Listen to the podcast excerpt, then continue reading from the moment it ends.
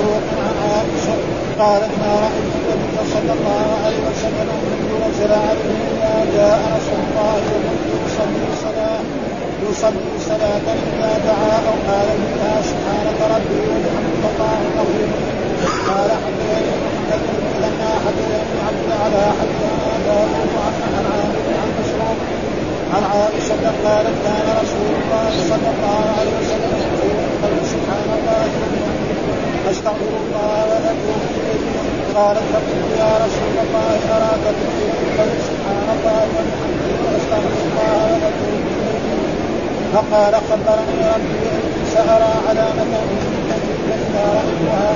اتقوا سبحان الله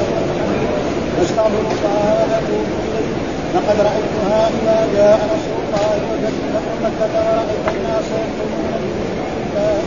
الله فسبح بحمد ربك واستغفره انه كان توابا. قال وحدثني حسن بن علي بن ومحمد بن قال حدثنا عبد الرزاق اخبرنا ابن جريج قال قلت لعطاء كيف تقول انت قال أنا سبحانك وبحمدك لا اله الا انت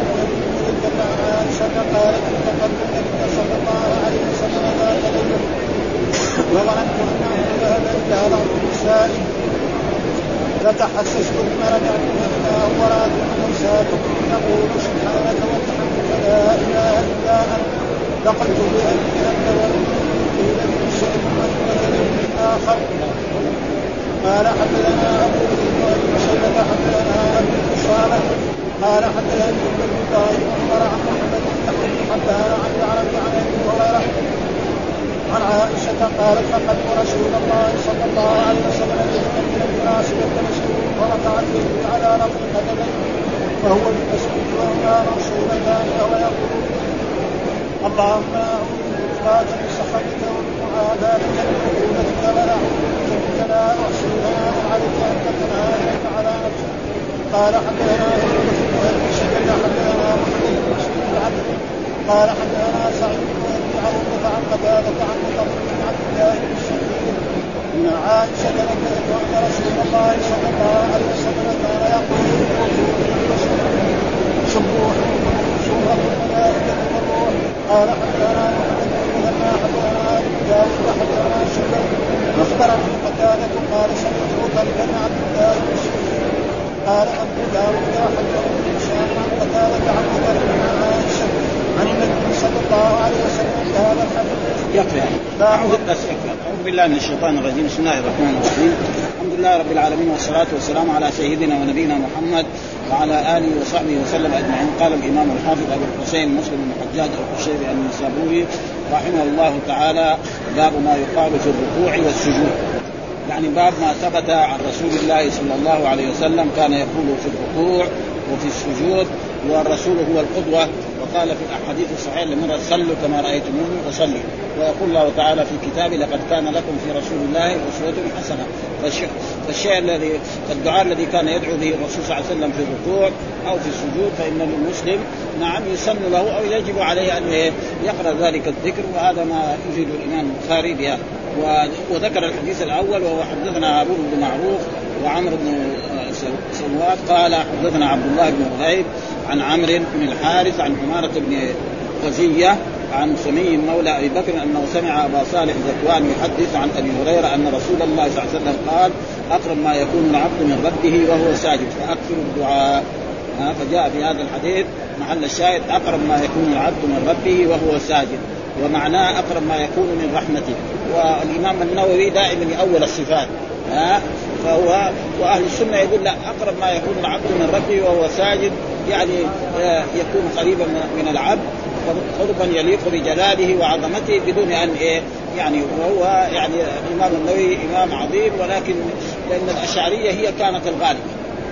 يعني مذهب الأشعرية هو مذهب السنة وهو ذكر ذلك هو يؤول الصفات.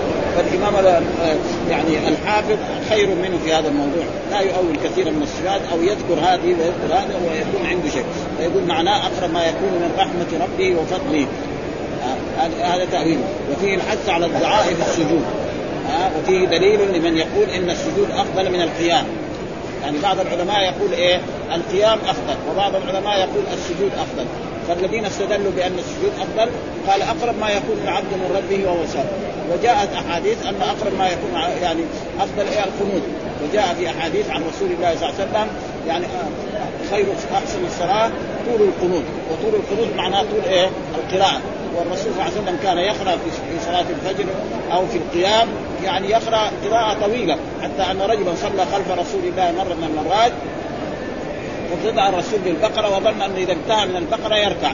وإذا ابتدى بآل عمران نعم حتى قال لقد هممت. قال لقد هممت إيه بإيه؟ قال لا أترك هذه الصلاة. هذه شيء الصلاة؟ ما تخلصني أنا أنا أبغى قراءة سورة قصيرة وأذهب للنوم. فلذلك يعني العلماء اختلفوا في هذا. أي أيهما خير؟ هل كثرة السجود أو كثرة القيام؟ هذا والذي يصح والذي يصح أنه في نعم في الليل طول القراءة أفضل. وفي غير ذلك في النهار أو في غير ذلك يجوز السجود وهذا معناه. قال وفيه دليل لمن يقول أن السجود أفضل من القيام وسائر أركان الصلاة. وفي هذه المسألة ثلاث مذاهب أحدها تطويل السجود وتكثير الركوع والسجود أفضل. هذا حكاه الترمذي والبغوي عن جماعة. وممن قال بتفضيل تطويل السجود على آه، ابن عمر رضي الله عنهما والمذهب الثاني مذهب الشافعي رضي الله تعالى عنه وجماعه أن تطويل القيام أفضل. لحديث جابر في صحيح مسلم أن النبي صلى الله عليه وسلم كان أفضل الصلاة طول القنوت وطول القنوت معناه إيه؟ طول القراءة.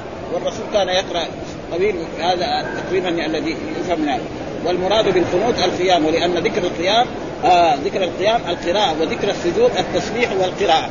السجود ما يقرأ آه إنما يسبح وإلا كان أفضل لأن المنقول عن النبي صلى الله عليه وسلم أنه كان يطيل القيام أكثر من تطويل السجود والمذهب الثالث أنهما سواء وتوقف أحمد بن محمد رضي الله تعالى عنه في المسألة ولم يقض فيها بشيء.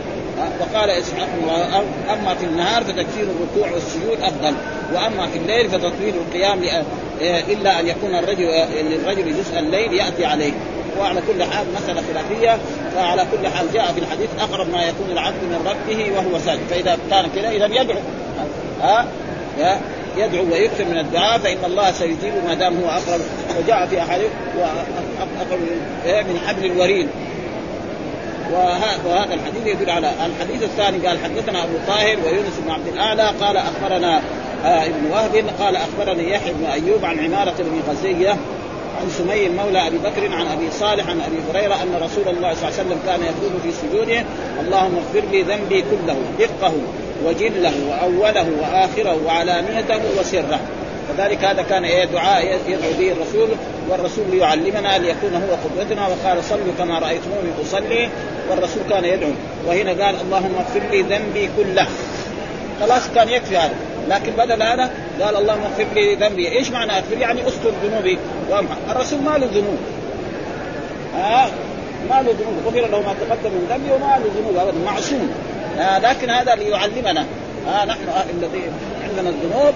ان نفعل ذلك؟ فإذا كان هو يقول هكذا اغفر لي ذنبي كله. دقة يعني إيه الدق معنى الصغير. آه الذنب الصغير. وجله يعني الذنب الكبير. وأوله وأول ذنوبه آه وآخره وعلانيته وسره. وهذا تعليم من رسول الله صلى الله عليه وسلم لأمته أن الإنسان إذا سجد يدعو بهذا الدعاء مع أنه اللهم اغفر لي ذنبي كله مع التأكيد كفر. لكن هذا من جوامع كلم رسول الله صلى الله عليه وسلم وإلا اللهم اغفر لي ذنبي كله. خلاص انتهى آه بعد ذلك استبدل منه إيه؟ دقة يعني صغيرة إيش معنى الدق؟ يعني شيء صغير زي. وجلة يعني الكبير من الذنوب نعم وأوله أول ذنوبه ها وآخره وعلانيته وسره. وهذا يوجد في إيه؟ في الأمة. أما رسول الله صلى الله عليه وسلم فإنه لا ذنب له لأنه معصوم وإذا حصل منه شيء يخالف نبهه الرب سبحانه وتعالى إلى ذلك وازال ويكفي ذلك أنه غفر له ما تقدم من ذنبه وما تأخر. وقالت له عائشة لماذا ان تفعل تصلي حتى تتورط الامام قال أفلا أكون عبدا شكورا. وهذا من الأدعية التي إيه؟ يعني كان قال وهو بكسر اوله أي قليله وكثيره وفيه توكيد الدعاء وتكثير ألفاظه. والا كان اللهم اغفر لي ذنبه كله يكفر. آه لكن إيه؟ تكسير الألف وكنا الرب مجد كان أفضل إيه؟ وأحسن. وثم قال وحدثنا زهير بن حرب وإسحاق بن إبراهيم. قال زهير حدثنا جرير عن منصور عن أبي الضحى عن مسروق عن عائشة قالت كان رسول الله صلى الله عليه وسلم يكثر أن يقول في ركوعه وسجوده سبحانك اللهم ربنا وبحمدك اللهم اغفر لي. ها في ركوعه هذا محل جاب مسألة الركوع.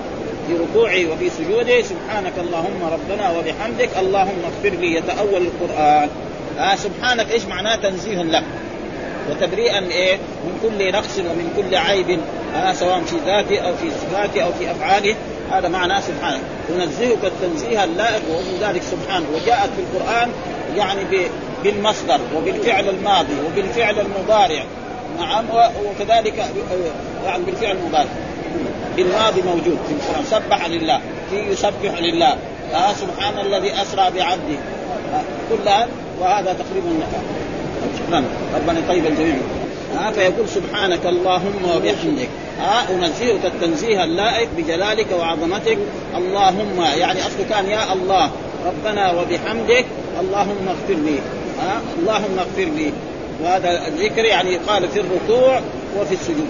وقد مرت علينا أحاديث أن الرسول لما نزل آه سبحان ربي العظيم قال اجعلوها في ركوعكم. ولما نزل سبحان ربي الأعلى قال اجعلوها في سجودكم. وكذلك لو دعا بأشياء دنيوية وذلك ما نقول له إيه ما تدعو الا بأشياء. آه بس لا يدعو بأشياء محرمة أو معصية. هذا الممنوع. أما لو دعا بأشياء دنيوية آه اللهم اغفر لي. يتأول القرآن. إيش معناه؟ يعني يعمل بما يؤمر به في القرآن. هذا معنى يتاول والتأويل مرات يأتي بمعنى التفسير. كما يذكر يعني في بعض الأحاديث مثلا ابن جرير يعني رئيس المفسرين دائما في تفسيره يقول باب تأويل قول الله تعالى. وما يعلم تأويله إلا الله. إيش معنى تأويله؟ معنى تفسيره. ها؟ فهنا يتأول معناه يعمل بما أمره لأن الله قال سبح بحمد ربك واستغفره إنه كان توابا. سبح بحمد ربك واستغفره. فمعنى يعمل بما يؤمر به في القرآن وهذا معناه آه سبحانك يعني أنزهك التنزيه اللائق اللهم ربنا وبحمدك اللهم اغفر لي يتأول القرآن. إيش معنى يتأول القرآن؟ يعمل بإيه بالقرآن. معنى يتأول يعمل بما أمر به في قوله تعالى فسبح بحمد ربك واستغفره إنه كان توابا. وكان صلى الله يقول هذا الكلام البديع. نعم البديع في الجزالة المستوفى ما أمر به في الآية وكان يأتي به في الركوع والسجود أن حالة الصلاة أفضل من غيرها فكان يختار لأداء هذا الواجب الذي أمر به لأن الله يعني ومعروف أن السبب في ذلك أن لما نزلت سورة النصر إذا جاء نصر الله والفتح ورأيت الناس يدخلون في دين الله أفواجا فسبح بحمد ربك واستغفر إنه كان توابا وبعد ما نزلت هذه الآية كان الرسول دائما إذا صلى يدعو بهذا ها يقول سبحانك اللهم وبحمدك أستغفرك وأتوب إليك. حتى أن عائشة قالت له يا رسول الله أنت ما كنت تقول هذا ودحين تقول؟ قال إنه علمني ربي إذا رأيت شيئا في أمتي نعم أن أفعل ذلك. وهذا إيه؟ النص. فإنه مثلا فتح مكة في عام ثمانية. وعام تسعة كان إيه؟ سنة الوفود. آه تأتي الوفود من من تبوك ومن الجهات كلها للاسلام والإيمان واتباع الرسول صلى الله عليه وسلم. فأنزل الله تعالى إذا جاء نصر الله والفتح ورأيت الناس يدخلون في دين الله افواجا فسبح بحمد ربك واستغفره. حتى أن عمر بن الخطاب في خلافته كان يدخل عبد الله بن عباس مع كبار قريش ومع كبار الصحابة رضوان الله تعالى عليهم. فقال له بعض الصحابة نحن لنا أبناء. آه ليش ما تدخلوا كما تدخل عبد الله بن عباس. نحن عندنا أبناء. يعني بعض المهاجرين لهم أبناء في سن عبد الله وهذا وهذا صغير تدخله. فبعد ذلك أرى أن إيه يبين لهم أن عبد الله بن عباس يعني عنده من العلم ما لم يكن عند أبنائكم. فدخل في جلس في مجلس من المجالس فقال لعبد الله بن عباس ماذا تقول في قول الله تعالى إذا جاء سأل الصحابة. يعني ما تقولون؟ إذا جاء نصر الله والفتح. قالوا يعني الله يأمر نبينا محمد انه إذا نصره الله وجاءت الفتوح أن يسبح بحمد ربه ويستغفر. وقال لعبد الله بن عباس ما تقول في هذه السورة؟ قال هذه تنعى رسول الله صلى الله عليه وسلم. تبين أن أجله قريب. أن الرسول قريب إيه؟ وفاته وموت لأن الرسول قام بالدعوة 23 سنه والآن خلاص والمهمة التي جاء من أجلها تمت. ولذلك سينتقل إلى الرفيق الأعلى ويقوم بهذه المهمة أصحاب رسول الله صلى الله عليه وسلم كأبي بكر وعمر وعثمان وعلي وغيرهم. وقد قاموا بذلك خير قيام. ولذلك ذكر في هذه الآية قال آه في, هذا الحديث الأخير اللي آه قال حدثنا أبو بكر بن أبي شيخ قال حدثنا أبو معاوية عن الأعمش عن مسلم آه عن مسلم عن مسروق عن قال كان رسول الله يكثر أن أن يقول قبل أن يموت ها آه والموت حق على كل واجب إنك ميت وإنهم ميتون ما في أحد ما يبقى سبحانك وبحمدك أستغفرك وقالت قلت يا رسول الله ما هذه الكلمات؟ والمراد بالكلمات الجمل. ها؟ ما هذه الكلمات التي أراك أحدثتها؟ يعني ما كنت تقولها والآن كل ما سجدت تقول هذه الكلمات. سبحانك وبحمدك أستغفرك وأتوب إليك.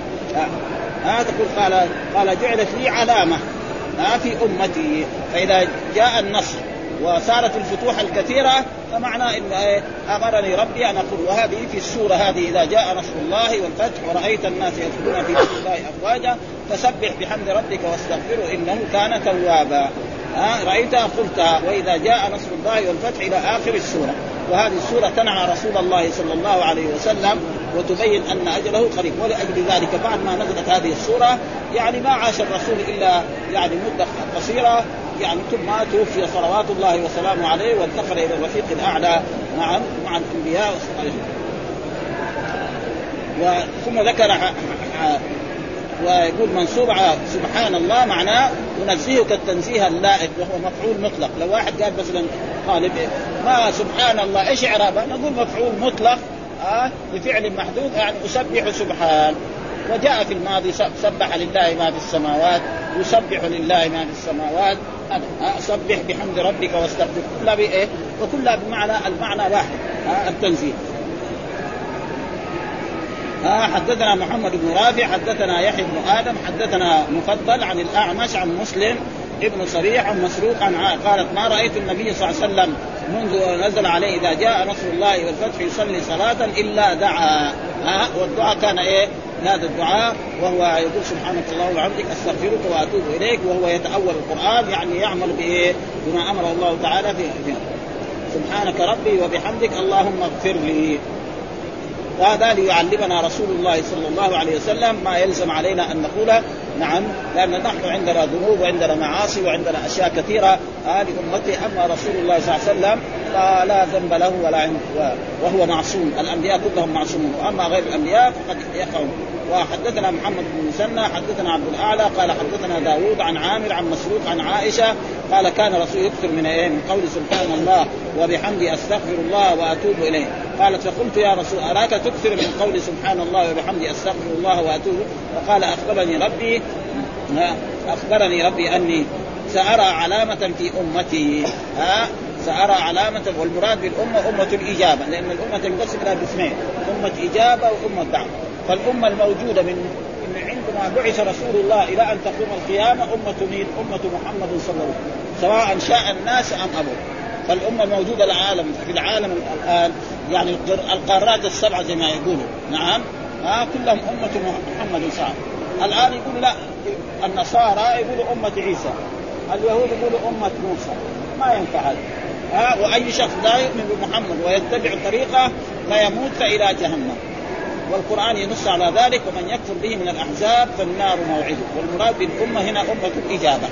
ها؟ والأمة الباقية في العالم كلهم أمة من أمة محمد صلى الله عليه وسلم.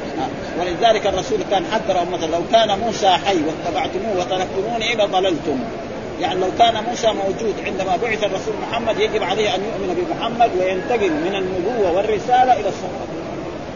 هذا الواجب ولكن مع الأسف الناس ما هم فاهمين. ها؟ كالإذاعات والكتب الحديثة كتب التاريخ يقولوا الأديان السماويه ثلاث يبغى يصير يهودي يصير يهودي يبغى يصير نصراني يصير نصراني يبغى يصير مسلم يصير مسلم. ها؟ وهذا غلط. لازم الإسلام هو الحق. والانبياء كلهم جاءوا بالاسلام في الأول. إنما يختلفوا في الشرائع ولذلك جاء في أحاديث الأنبياء أبناء علات دينهم واحد. إيش معنى أبناء علات؟ يعني أبناء القبائل زي الرجل يكون متزوج ثلاثة زوجات أو أربع زوجات. هذه تجيب ولد وهذه تجيب بنت وهذه تجيب ولد ولدين. كل الأولاد ينسبوا إلى من؟ إلى الأب. ما ينسبوا إلى الأمهات وكذلك الإسلام كل الأنبياء يدعو ولذلك كل القرآن موجود. ها؟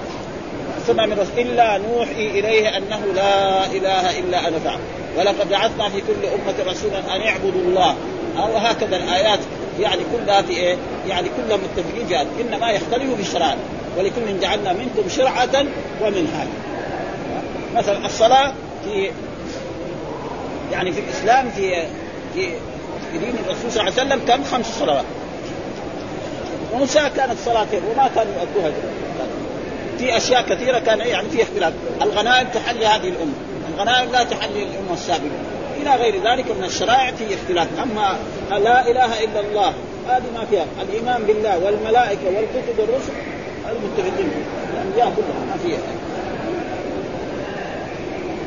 ها قال رأيت إذا جاء ها فتح مكة ورأيت يدخلون في دين الله افواجا فسبح بحمد ربك واستغفره إنه كان توبا. وقلنا كان دائما إذا كانت بمعنى يعني كان في الماضي وفي الحال وفي الاستقبال. يعني الله كان توابا يغفر الذنوب لعباده في الماضي وفي الحال وفي الاستقبال. وهذا تفسير عبد الله بن عباس لا كان زي إيه؟ للمخلوق هذا تقول كان محمد مجتهد. يمكن يصير الآن كسلان يعني. آه كان علي مسافرا. يعني يكون الآن ما هو مسافر. أما الرب كان توابا. هذه معناه ما زال ولم يزل في الماضي وفي الحال وتارة تكون بمعنى صارت. ها كانت هباء منبثا بمعنى إيه؟ صارت. تاتي كان المرات بمعنى إيه؟ صارت هباء منبثا وقال حدثنا علي آه حسن بن علي الحلواني ومحمد بن رافع قال حدثنا عبد الرزاق قال أخبرنا ابن جرير قال قلت لعطاء كيف تقول أنت في الركوع؟ قال أما سبحانك وبحمدك. آه يعني أنا أقول أما سبحانك. لا إله إلا أنت فأخبرني ابن أبي مليكة. وابن أبي مليكة أحد التابعين يعني كتلميذ لعائشة رضي الله تعالى عبد الله بن أبي مليكة وهو من التابعين وله قصص كثيرة. حتى أنه يقول أدركت ثلاثين من أصحاب النبي صلى الله عليه وسلم يقول لا الواحد ما يقول إيمانك إيمان جبريل وميكائيل ها بل يخاف النفاق على ويكفي ذلك أن عمر بن الخطاب رضي الله تعالى عنه من خوفه من النفاق يسأل حذيفة الرسول ما قال لك إني من المنافقين عمر إيش الثانيين يساوي؟ ها؟ أو عمر وهذاك ما هو راضي يخليه إيه؟ على بين الرجاء والخوف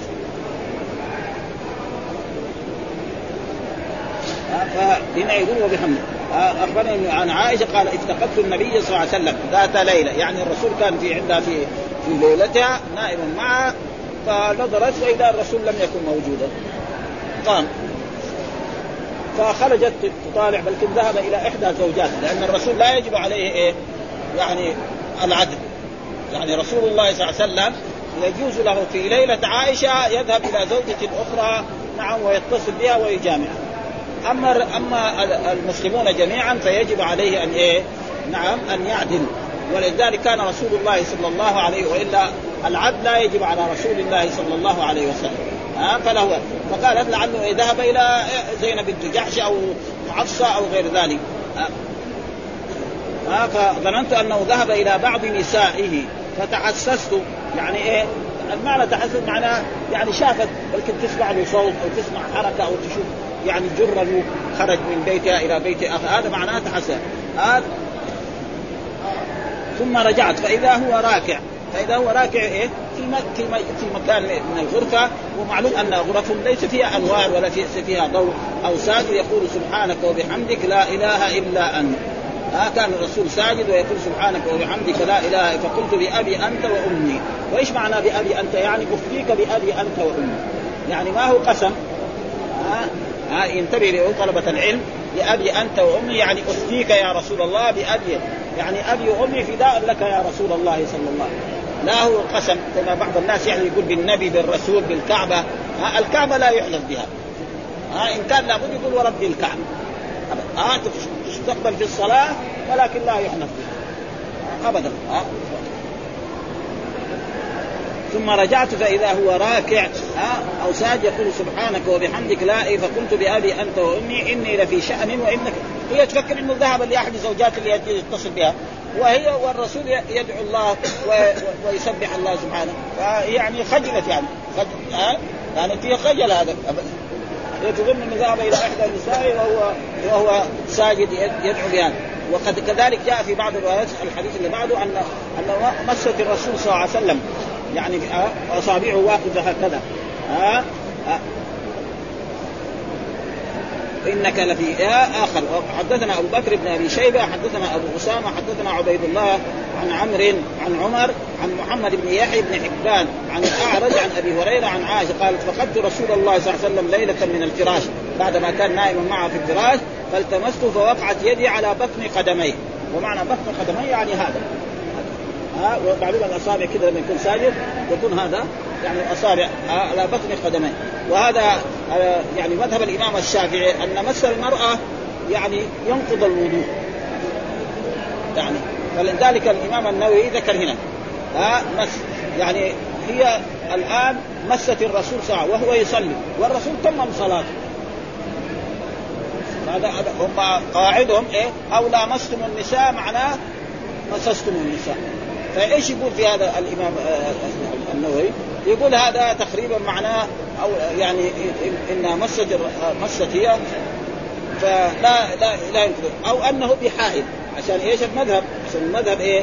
إذا كان بحائل ما يضر فلذلك هو يقول في هذا الموضوع وأجيب عن هذا الحديث بأن الملموس لا ينتقد أن الملموس لا ينتقد اللامس هو الذي ينتقد وكذلك بعض المذاهب زي زي مذهب الإمام مالك يعني إذا مسها بشهوة أو أرادها أو كذا يعني في كتب الفقه المالكية كذلك بيذكروا. والصحيح أن إيه لامستم بمعنى جامعتم. هذا أصح الأقوال. يعني أصح الأقوال آه لامستم في فرق بين لمس ولامس. وهذا موجود يعني في اللغة العربية. مثلا واحد يقول جامع الرجل زوجته أو أمته. ما يكون بين اثنين. ابدا. ها؟ وكذلك الجماع وكذلك المشاركة وكذلك المضاربة. ففي فرق بين لمس ولامس لكن هم أخذوا والسبب اظن في قراءة كمان أو لمستم النساء. ولكن أصح الأقوال أن إيه مس المرأة بشهوة هو الذي ينقض الوضوء ومس المرأة بدون شهوة لا ينقض الوضوء هذا أصح الأقوال الذي إيه يتعارض مع الأدلة. آه.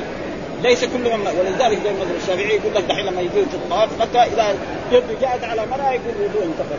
فما هناك ادله تدل على ذلك، نعم إذا مس وقصد نعم ينتقل وأما إذا مس ولم يعني لا وثبت أن رسول الله صلى الله عليه وسلم كان يقبل زوجته أزواجه نعم و و ويصلي. معلوم أن هذا التقبيل و... و... وعائشة قالت أيكم أملك لاربه لحاجتها يعني. رجل شاب قبل زوجته يخرج المذي. على طول هذا. رجل كبير في السن أو ما له حاجة في ذلك الوقت.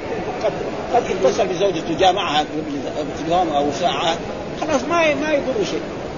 أو رجل تو تزوج جديد يعني.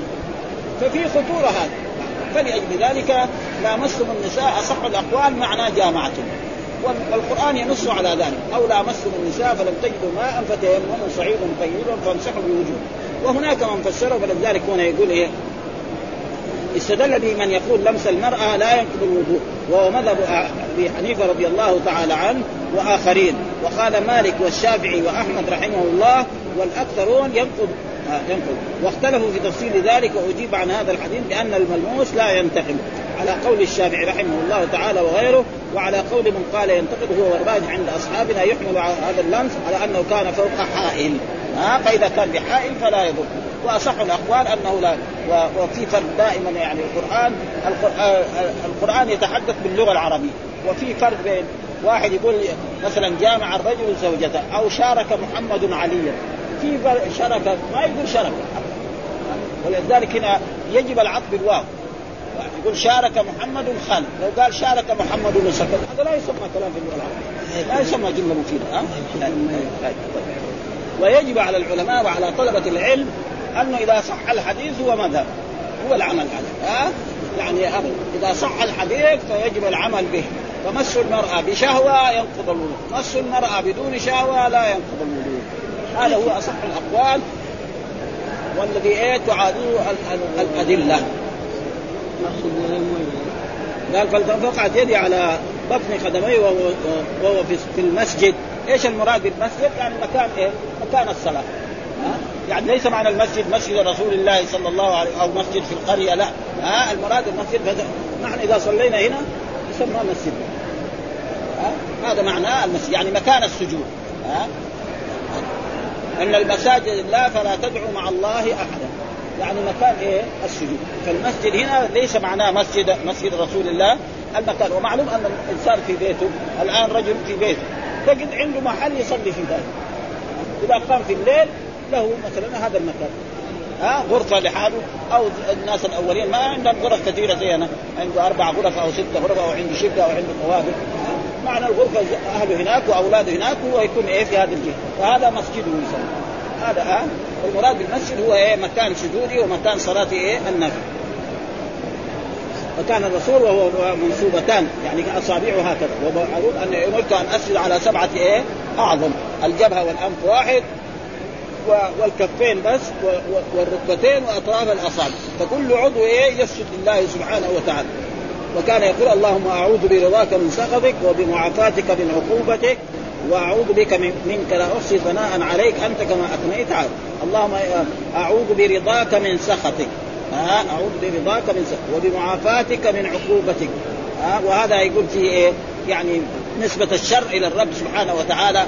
وجاء في أحاديث والشر ليس إليه فكيف نجمع بين هذا وهذا؟ ها؟ فهذا دليل ان الخير والشر هو من من الله سبحانه وتعالى. ولكن من الأدب يعني لا يعني لا ينسب إليه الرب سبحانه وتعالى. مثل ما قال الله تعالى عن الجن ها؟ وانه كان رجال من الإنس يعودون برجال من الجن فزادوهم راقا وروحي إليه أن استمع نفر قالوا إنا سمعنا قرآنا عجبا يهدي إلى الرشد فآمنا به ولن نشرك بربنا أحدا وأنه تعالى جد ربنا ما اتخذ صاحبة وأنه كان يقول سفيرنا على الله شططا وانا ظننا أن لن تقول الإنس والجن على الله كذبا أنه كان رجال من الإنس يعودون برجال من الجن فزادوهم راقا في كذا يعني وأن ظننا ظن كما ظننتم أن لا يبعث الله أحدا. يبدا يعني في وكذلك إيه؟ الشر ليس إليك. ها الشر والقرآن يمسك الله بضر فلا كاشف له إلا هو. وإن يمسسك بخير ها ف وإلا الشر والخير من مين؟ من الرب سبحانه وتعالى. ولكن من الأدب أن الإنسان ويكفي ذلك كذلك نفس نفس أهل الك... يعني الخضر لما مع موسى عليه السلام ذكر يعني في قول الله تعالى وأما الجدار فكان غلامين يتيمين في المدينة وكان تحتهما كنز وكان أبوهما صالح فأراد ربك أن يبلغ أشدهما ويستخرج كنزهما رحمة. منه فأراد ربك نسبوا إلى إيه؟ إلى الرب سبحانه. ها؟ رحمة. وفعلت عن أمر ذلك تأويل ما لم تستطع فهذا تقريبا يعني قال مسلومة وهو يقول اللهم أعوذ برضاك من سخطك وبمعافاتك من وأعوذ بك منك لا أحصي ثناء عليك أنت كما قال الإمام أبو سليمان الخطابي وفي هذا معنى لطيف وذلك انه استعاذ بالله تعالى وسأله أن يجيره برضاه من سخطه وبمعافاته من عقوبته والرضاء والسخط ضدان متقابلان وكذلك المعافاة والعقوبة فلما صار إلى ذكر ما لا ضد له وهو الله سبحانه وتعالى استعاذ به منه لا غيره ومعنى الاستغفار من التقصير في بلوغ الواجب في حق عبادته والثناء عليه. وقوله لا أحصي ثناء عليك أي لا أطيق ولا اتي عليه وقيل لا أحيط. وقال مالك رحمه الله تعالى معناه لا أحصي نعمتك وإحسانك والثناء بها عليك وإن اجتهدت في الثناء. هذا بالنسبة لرسول فما بالنا نحن. وعلى كل حال و, و وهذا يعني الأدلة الأحاديث تدل على ان أن الركوع والسجود محل إيه؟ يعني يعني تعظيم الرب سبحانه وتعالى وأن السجود محل الدعاء له أن يدعو بأي شيء شاء وهذه أدعية رسول الله صلى الله عليه وسلم الذي كان يدعو بها. اللهم سلام. اغفر لي ذنبي كله دقا وجله وسرا وعلانية واولا وسبحانك اللهم وبحمدك أستغفرك وأتوب إليك. مثل هذه الأدعية وغيرها يجوز. ثم ذكر باب حدثنا محمد بن بشر العبدي حدثنا سعيد بن أبي عروبة عن قتادة عن مطرف بن عبد الله بن الشخير أن عائشة نبأته أن الرسول كان يقول في ركوعه وسجوده سبوح قدوس رب الملائكة والروح. سبوح ها؟ سبوح يعني إيه؟ مبالغة في إيه؟ في التسبيح. وقدوس ويكون بإيه؟ بضم السين في في في السين وفي القاف. وفي بعضهم يقول لا سبوح والصحيح أنه سبوح قدوس رب الملائكة. يعني إيه؟ موجد الملائكة وخالق الملائكة والمتصرف. والروح المراد به جبريل عليه السلام. ها؟ الروح المراد به جبريل. وهذا كان يعني ذكرا ودعاء يدعو به الرسول صلى الله عليه وسلم في إيه؟ في سجود يعني في قيام الليل. ها؟ في قيام الليل كان يقول هذا سبوح قدوس. قال سبوح بضم السين والقاف وبفتحهما. برضه إيه؟ سبوح يقول. ها؟ افصح والضم أفصح وأكثر قال في فصل ذرح كان سيبويه يقول يقولهما بالفتح وقال الجوهر في فصل سبح سبح سبوح من صفات الله قال تعلم كل اسم على فعول فهو مفتوح الأول إلا سبوح والقدوس فإن الضم فيه ما أكثر سبوح قدوس وهذا ذكر يقال في إيه؟ في قيام الليل، فإذا إنسان يصلي في الليل نعم فيقول وفي غير ذلك له أن يدعو بما شاء ولو دعا بهذا حتى في يعني في الفريضة ما في مانع، ما في أدلة تمنع من ذلك. حدثنا محمد بن مسنى حدثنا أبو داود حدثنا شعبة أخبرني قتادة قال سمعت مطرف بن عبد الله بن الشخير قال أبو داود وحدثني هشام عن قتادة عن مطرف عن عائشة عن النبي صلى الله عليه وسلم بهذا الحديث. ها ذكر إيه؟ السند وذكر إيه؟ المتن يعني أن أن الرسول كان يقول سبوح قدوس الرب والملائكة والروح. فرسول الله كان إيه؟ يعني وقيل الروح ملك عظيم والصحيح أن الروح المراد به جبريل ثم ذكر باب فضل السجود والحث عليه. كذلك في هذه الترجمة برضه ترجمه الإمام النووي باب فضل السجود أفضل إيه؟ نعم والحث عليه. لأن رجل جاء إلى النبي صلى الله عليه وسلم وكان يخدم الرسول صلى الله عليه وسلم وقال له الرسول سل. قال أسألك موافقه مرافقتك في الجنة. يعني الرسول كان يريد يقول له مثلا يبغى شيء من الدنيا. يعني يعطي له شيء من الذهب أو من الفضة أو من الإبل أو من البقرة. قال لا أنا ما أريد هذا. أنا اسالك مرافقتك في الجنة. هذا لا. قال وغير ذلك. صعب. مرافقته في الجنة ما هو صعب. قال قال أعني على نفسك بكثرة السجود. وهذا محل الشاهد. تبغى تصير مرافق للرسول في الجنة إذا أكثر من إيه؟ من السجود. ومعنى السجود مو السجود وحده. معناه الصلاة كاملة. ها؟ يصلي صلاة كاملة وخصوصا في يؤدي الصلوات المفروضة أول ويكثر من النوافل. أما يصلي الصلوات المفروضة لحاله وليس معنى كذلك مرافقتك في الجنة أن يكون مع الرسول في مكان واحد. لا. معناه يدخل الجنة إن شاء الله. ها؟ وهذا من التعدي يعني. واحد يقول أسألك أن أكون في الجنة مع رسول الله يعني مرافق لا. ها؟ ولذلك لما سمع رجل من الصحابة ولده يقول أسألك يعني الجنة أو أسألك القصر الأبيض يمين الجنة قال له هذا من التعدي في انت أسأل الجنة بس. أو إن كان لابد يقول أسألك يا ربي جنة عدن. أو أسألك جنة الفردوس. أو أسألك الجنة ونعيمها. وأعوذ بك من النار. أما أسألك مثل هذا فهذا من التعدي في الدعاء وكثير ناس يعني يعني تجد فقال باب فضل السجود والحث عليه. ومعنى السجود مع إيه؟ مع الصلاة كاملة. ها؟ يكبر ويقرأ الفاتحة ويقرأ سورة ويركع ويرفع من الركوع ويسجد. ويؤدي بهذا السجود الصلوات المفروضة والنوافل الكثيرة. ها ويقول من إيه؟ من جماعة الذين يصلون في الليل. وبالأسحار هم يستغفرون وتتجافى جنوبهم عن المضاجع يدعون ربهم خوفا وطمعا. مما رزقناهم ينفقون إيش الدليل على ذلك؟ آه قال حدثنا زهير بن حرب حدثنا الوليد بن مسلم قال سمعت الأوزاعي قال حدثني الوليد بن هشام المعيطي حدثنا معدان بن أبي طلحة اليعمري قال لقيت ثوبان مولى رسول الله صلى الله عليه وسلم والمولى معناه العتيق. آه المولى معناه العتيق. فأي إنسان يكون عنده عبدا مملوكا أو أمة مملوكة ثم يعتقها فتسمى ولذلك مولى هذا يسمى مولى رسول الله. نعم. بلال يسمى مولى أبي بكر بن الصديق. آه وغير ذلك كثير من إيه؟ فقلت أخبرني بعمل أعمله يدخل, يدخل الله به الجنة. طبعا. آه فقلت أخبرني بعمل. يعني هذا التابعي يقول لثوبان أبي طلحة اليعمري يقول لثوبان مولى رسول الله. فقلت أخبرني بعمل اعمله يدخل الله به الجنة. قال قلت أحب الأعمال إلى الله فسكت. يعني ما جاوب. آه ثم سألته مرة ثانية. آه آه فسكت. ثم سألته فسكت. ثم سألته الثالثة فقال سألت عن ذلك رسول الله صلى الله عليه وسلم فقال عليك بكثرة السجود. ها تبغى تدخل الجنة أكثر من السجود ها لأن القرآن يقول إن الصلاه كانت نعم يعني الإنسان تنهى عن الفحشاء والمنكر، أي إنسان يصلي صلاة كاملة باسم أنا الرسول لو كان يرتكب بعض الآثام يبطل. هذا شيء مشاهد. ها أما ينقلها نقلة ديك أو يكون وضوءها خربان وركوعها فر... هذا هو الناس يصلوا تجد يرتكب بعض المعاصي. ها لأن الصلاة ما هي تامة. ما هي صلاة مثل الصلاة التي أمر بها الله وأمر بها رسوله. هذا هو. وإلا لو كان الصلاة لابد إن كان ما ترك اليوم بعد يومين بعد شهر بعد سنة لابد يترك المعاصي. هذا شيء مشاهد. قال فسكت ثم سالته الثالث فقال سألت عن ذلك رسول الله فقال عليك بكثرة فإنك لا تسجد لله سجدة إلا رفعت رفعك الله بها درجة وحط عنك بها خطيئة. فالسجود له شأن عظيم لأن إيه؟ يعني بإيه؟ يضع يعني جبهته على الأرض. ولذلك الرسول لما قرأ سورة النجم في مكة وعلى الكفار والشيطان أدخل بعض أشياء فسجد الرسول وسجد وسجد الكفار طبعا آه لبلاغة القرآن ولفصاحته ولهذا ثم بعد ذلك يعني آه إلا رجلا منهم قال لا ما يمكن أسته تعلو على رأسه. كده يدنك كده ويصير استه دبره فوق وراسه من الكبرياء ومن العظمة ما يفعل هذا. ها فيقول الصحابي رأيناه مقتولا في بدر. ها؟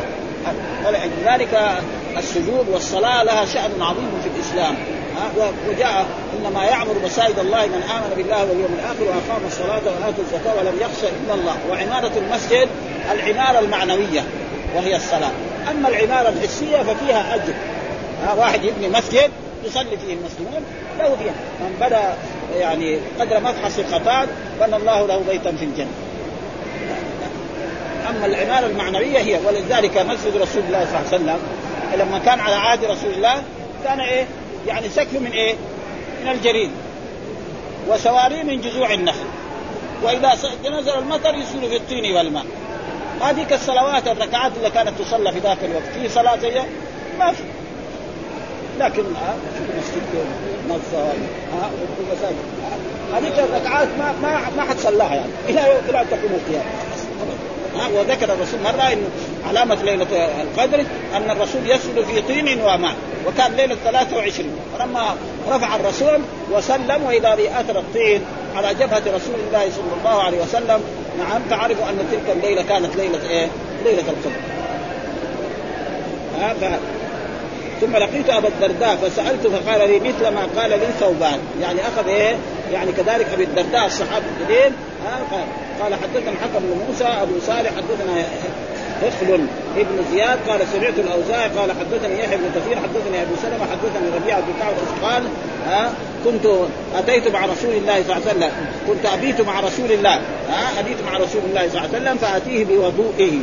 وضوئه معنى الماء الذي يتوضأ به فتح الواو. الوضوء الماء الذي في الإبريق أو في في الزبدية أو في غير ذلك فهذا يسمى وضوء بفتح الواو. وضوء الفعل. يعني إيه؟ وهذا معروف يعني. فتقول إيه؟ وضوء.